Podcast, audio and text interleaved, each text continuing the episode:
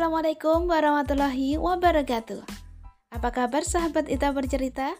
Alhamdulillah ya, berjumpa lagi dan semoga keadaan kalian sehat walafiat tanpa kekurangan suatu apa pun. Amin ya robbal alamin. Sahabat, sering kali kita dalam mengelola pengeluaran sehari-hari hmm, sudah dijadwalkan sih, sudah dipos-poskan, tapi terkadang tetap saja ada bocor-bocornya, ya kan? Nah, berikut ini ada tips paling mudah yang mungkin bisa kita coba bersama-sama. Alhamdulillah saya sudah membuktikan ya sekitar eh, uh, 20 hari ya. Dan terbukti memang budget tidak jebol begitu saja. Apa saja ke tipsnya? Check it out. Hmm, kali ini tentang membuat anggaran belanja ya. Uh, saya mensiasatinya dengan belanja sekaligus untuk beberapa hari. Misal untuk keperluan satu minggu yang akan datang.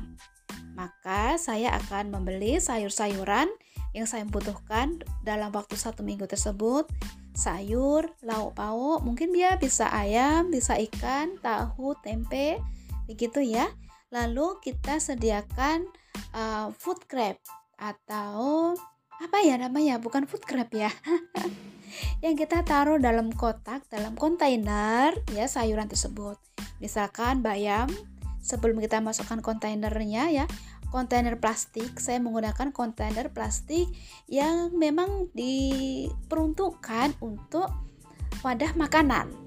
Bukan yang sekali pakai ya teman-teman semua Nah, ketika bayam, maka kita petikin dulu, kita buangin yang tidak kita gunakan ya, ya bagian-bagian yang tidak kita gunakan, kita buangin tapi tidak usah dicuci.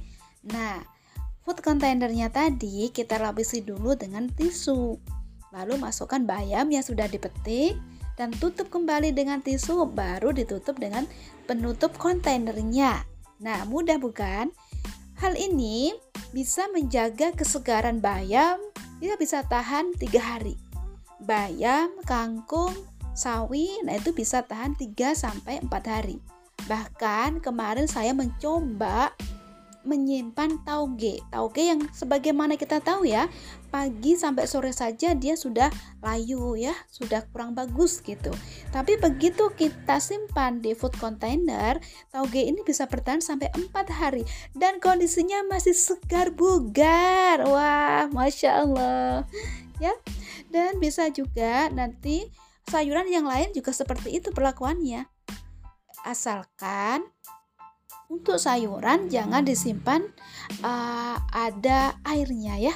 Misal dia ada basah-basah sedikit maka hmm, dia ditiriskan lebih dahulu atau dilap dulu ya supaya airnya hilang baru kita masukkan ke food container. Nah, untuk ikan juga seperti itu. Ikan kita bersihkan lebih dahulu ya perut-perutnya itu. Kita bersihkan semuanya. Kita cuci bersih kita masukkan ke food container dan jangan lupa kita berikan jeruk nipis ya. Uh, jeruk nipisnya dipencet. Apa yang dipencet? Jeruk jeruk nipisnya ya. Kita kita taruhin di permukaan ikan tersebut baru kita tutup dan taruh freezer. Insya Allah bisa tahan lebih lama dan rasa ikan pun jadi lebih gurih nah dengan mencoba berbelanja seperti ini dan kita simpan dalam food container, ini lebih menghemat banyak sekali ternyata. Yang awalnya ya ketika kita malas masak karena memang e, sayuran harus beli dulu di tukang sayur, tapi begitu kita ada sayuran di kulkas, hmm, tinggal masak saja.